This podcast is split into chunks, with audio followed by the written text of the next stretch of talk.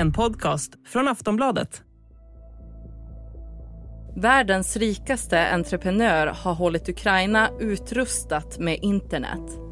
Men frågan är vems sida som Elon Musk egentligen står på.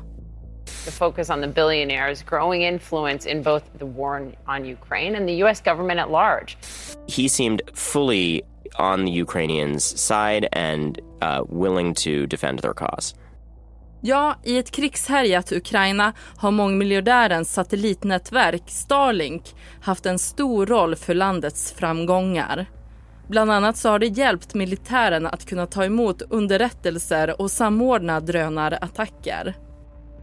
Trots att hans internet redan fanns där precis efter att den ryska invasionen hade påbörjats i slutet av februari 2022 så uppges han ha begränsat Ukrainas tillgång till nätet flera gånger vilket sen har påverkat landets framfart på slagfältet. Och Elon Musk har också anklagats för att vara Putin-vänlig. Han ska bland annat ha haft ett direktsamtal med den ryske presidenten enligt en tidigare tjänsteman vid Pentagon, skriver The New Yorker.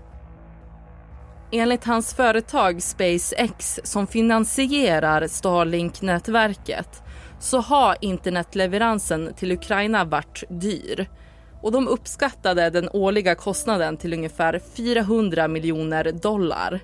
SpaceX is warning the Pentagon it is facing the difficult choice of reducing or stopping service. För att slippa den kostsamma räkningen så ställde de ett ultimatum till USAs försvarsdepartement hösten 2022. Om Pentagon inte skulle ta över kostnaden för Ukrainas internet så skulle SpaceX dra ut pluggen.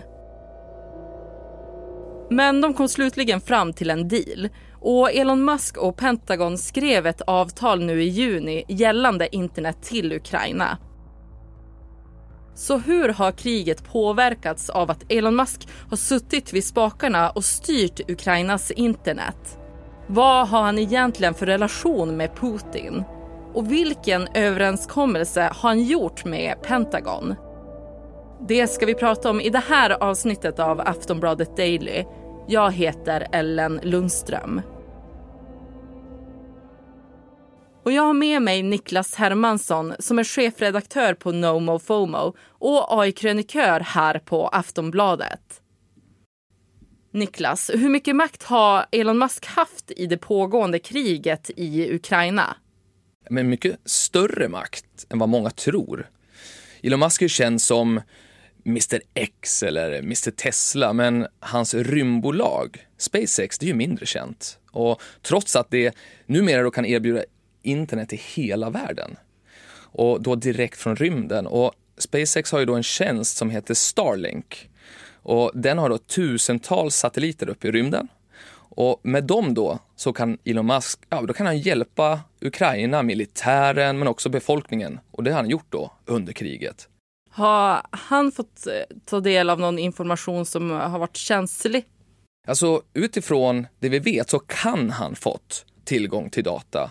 Dels då kring Ukrainas militära operationer. Var är deras trupper? Vad gör de just nu? Och vart är de på väg?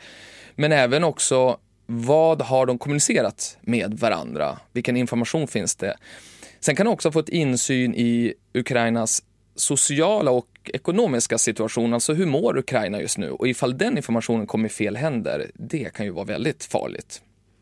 Vad finns det för problem med att ukrainarna har fått använda sig av eh, Musks internet? Ja, men dels så kan ju det leda till politiska konflikter. Alltså Starlink och SpaceX, de är ju liksom privata företag. De är inte en organisation och det är ingen eh, myndighet så.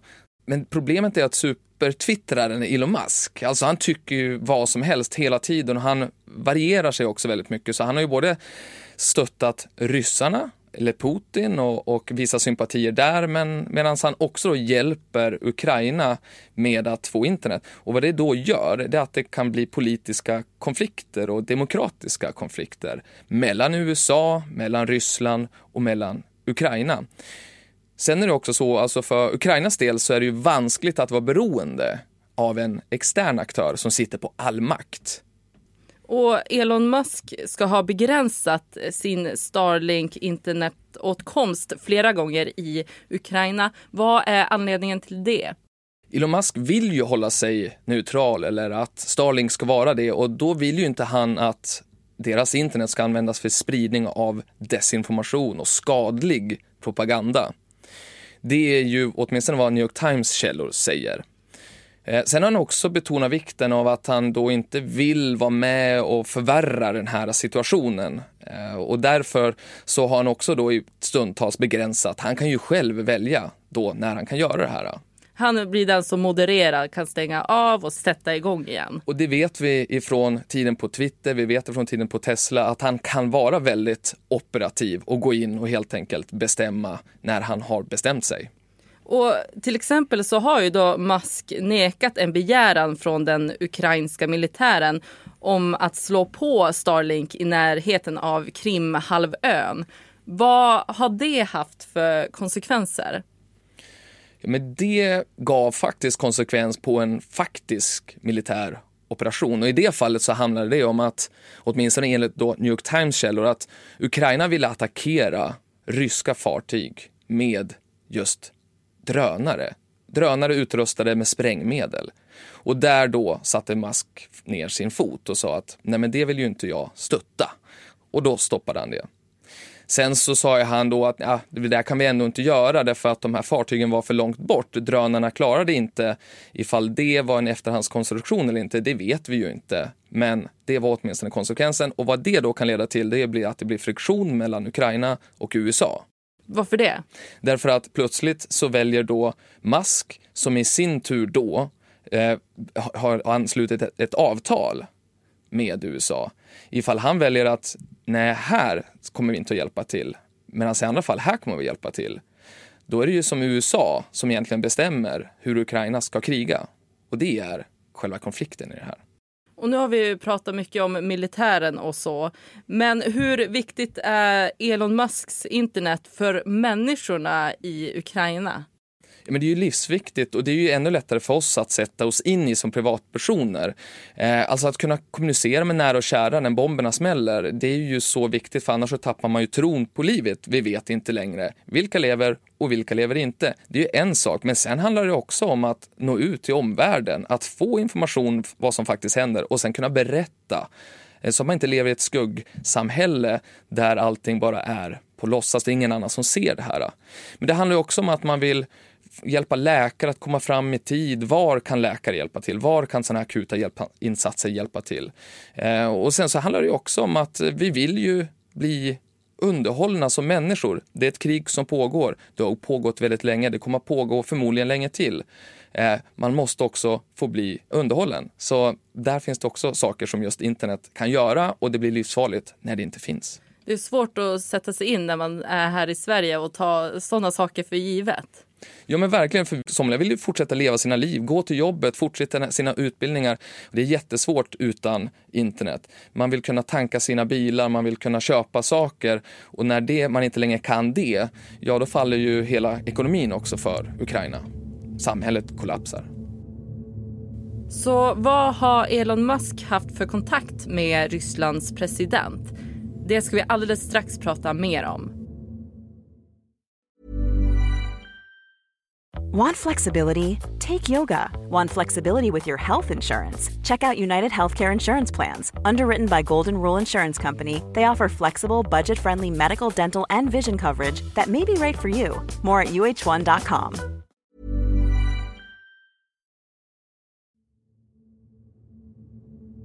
Elon Musk ska ha haft ett samtal med Putin enligt The New Yorkers skribent.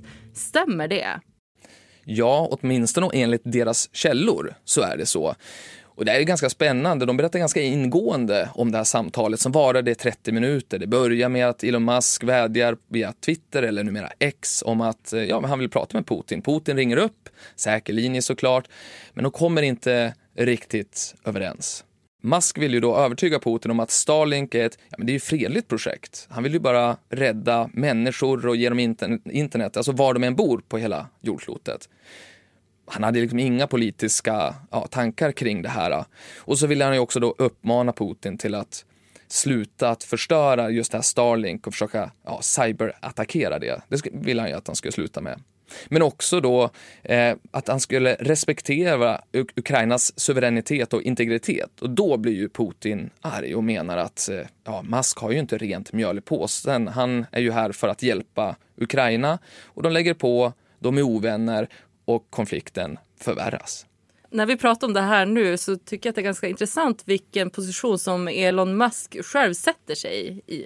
Verkligen. Han har ju ett behov att vara egentligen ja, ha huvudrollen på internet varenda dag har man kallat det för the main character. Och det är ju det som man hela tiden strävar efter. Det är ju också ett sätt att få hans innovationer att synas och visas och de är ju otroliga. Han ska ju ha all heder och cred och mycket pengar för att han faktiskt driver världen och mänskligheten framåt samtidigt som han är en mobbare i sociala medier och fattar irrationella beslut och inte går att lita på. Det är en väldigt svår situation vi sitter i här. Och gällande Ryssland och Ukraina, vems sida står han egentligen på? det är nästan omöjligt att veta, för man vet inte var man har Elon Musk. Elon Musk, när han sa att han ville köpa Twitter, numera X, så satt alla och chansade ett år hur det skulle gå. Det var egentligen ingen som lyckades pricka in när han skulle göra vad. Och detsamma gäller nu. Alltså, han stöttar båda parter. Dels så stöttar han Ukraina genom att ge dem Starlink gratis. Och sen så var det det här telefonsamtalet med Putin, alltså där han ber honom att ja, sluta kriga helt enkelt. Men sen så har han ju då också ansett stödja Ryssland, eh, dels för att han har visat sympati för Putin och uppmanat då till de här fredsförhandlingarna. Men sen har han ju också begränsat Ukrainas möjlighet att använda internet för att de inte då ska kunna attackera Ryssland. Medan han själv säger att Nej, men jag är neutral, jag är i mitten. Men hans handlingar talar för båda sidorna. Och han har ju velat att USAs försvarsdepartement ska stå för eh, Starlinks internet i Ukraina. Varför det? Ja, det är ju långt ifrån gratis att göra det han gör, alltså åka upp med raketerna, släppa ut satelliter. Det finns tusentals där. Han har majoriteten av dem och fler är på väg upp medan vi pratar.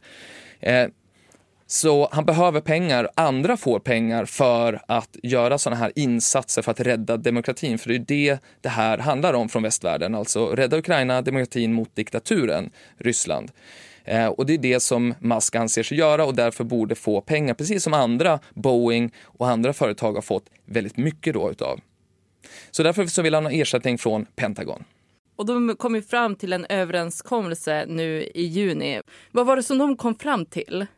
De kommer egentligen fram till tre saker. Dels då att Starlink säger att ja, vi kommer att fortsätta att förse Ukraina med det här internetet då.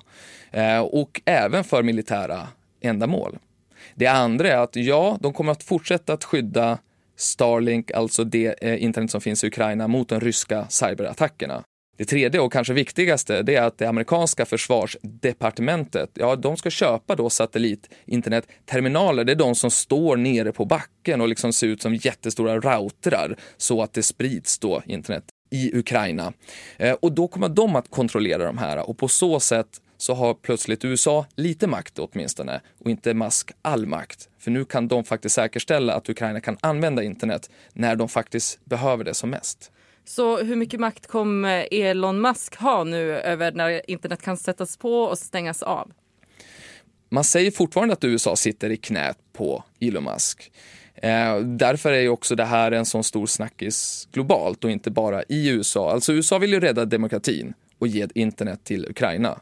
Och då är då Starlink det givna alternativet. Det finns inte så många alternativ de äger majoriteten av alla satelliter. Så att ifall man skulle välja en annan aktör, till exempel i Ukraina, ja då, då kommer inte de kunna leverera lika bra.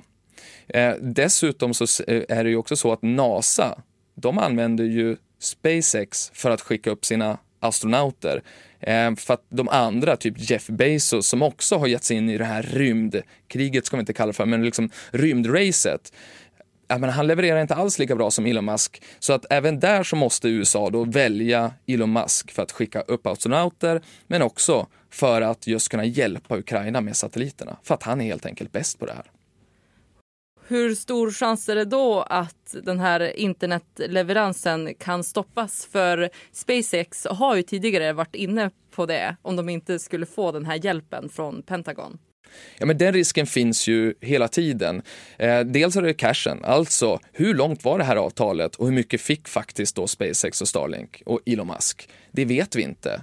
Den andra saken är ju, kan Putins cyberattacker faktiskt slå ut då Starlink? Det ser inte så ut, men den finns ju där också hela tiden. Och det tredje, det handlar om Elon Musks lynniga personlighet. Kommer han att tycka att det här kriget är tillräckligt intressant så länge? Hitta någonting annat som han vill lägga sin tid på? Det har vi sett tidigare. Men det kan ju också vara så att han byter ståndpunkt. Vi vet inte, vi kan inte Elon Musk. Det är helt omöjligt att syna och, och tolka honom. Så det, den här risken finns hela tiden. Det är alltid hotat så länge Elon Musk är den som bestämmer, för då vet du inte vad som kommer att hända. Vad skulle hända om internet försvann helt i Ukraina? Det hade varit en stor katastrof. Alltså både för militären, men också för civilbefolkningen såklart.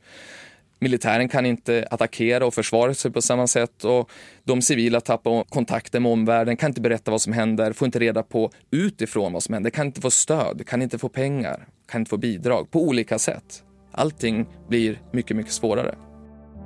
Sist här, Niklas Hermansson, chefredaktör på NoMo FOMO och AI-krönikör här på Aftonbladet. Och du har lyssnat på Aftonbladet Daily med mig, Ellen Lundström. Vi hörs snart igen.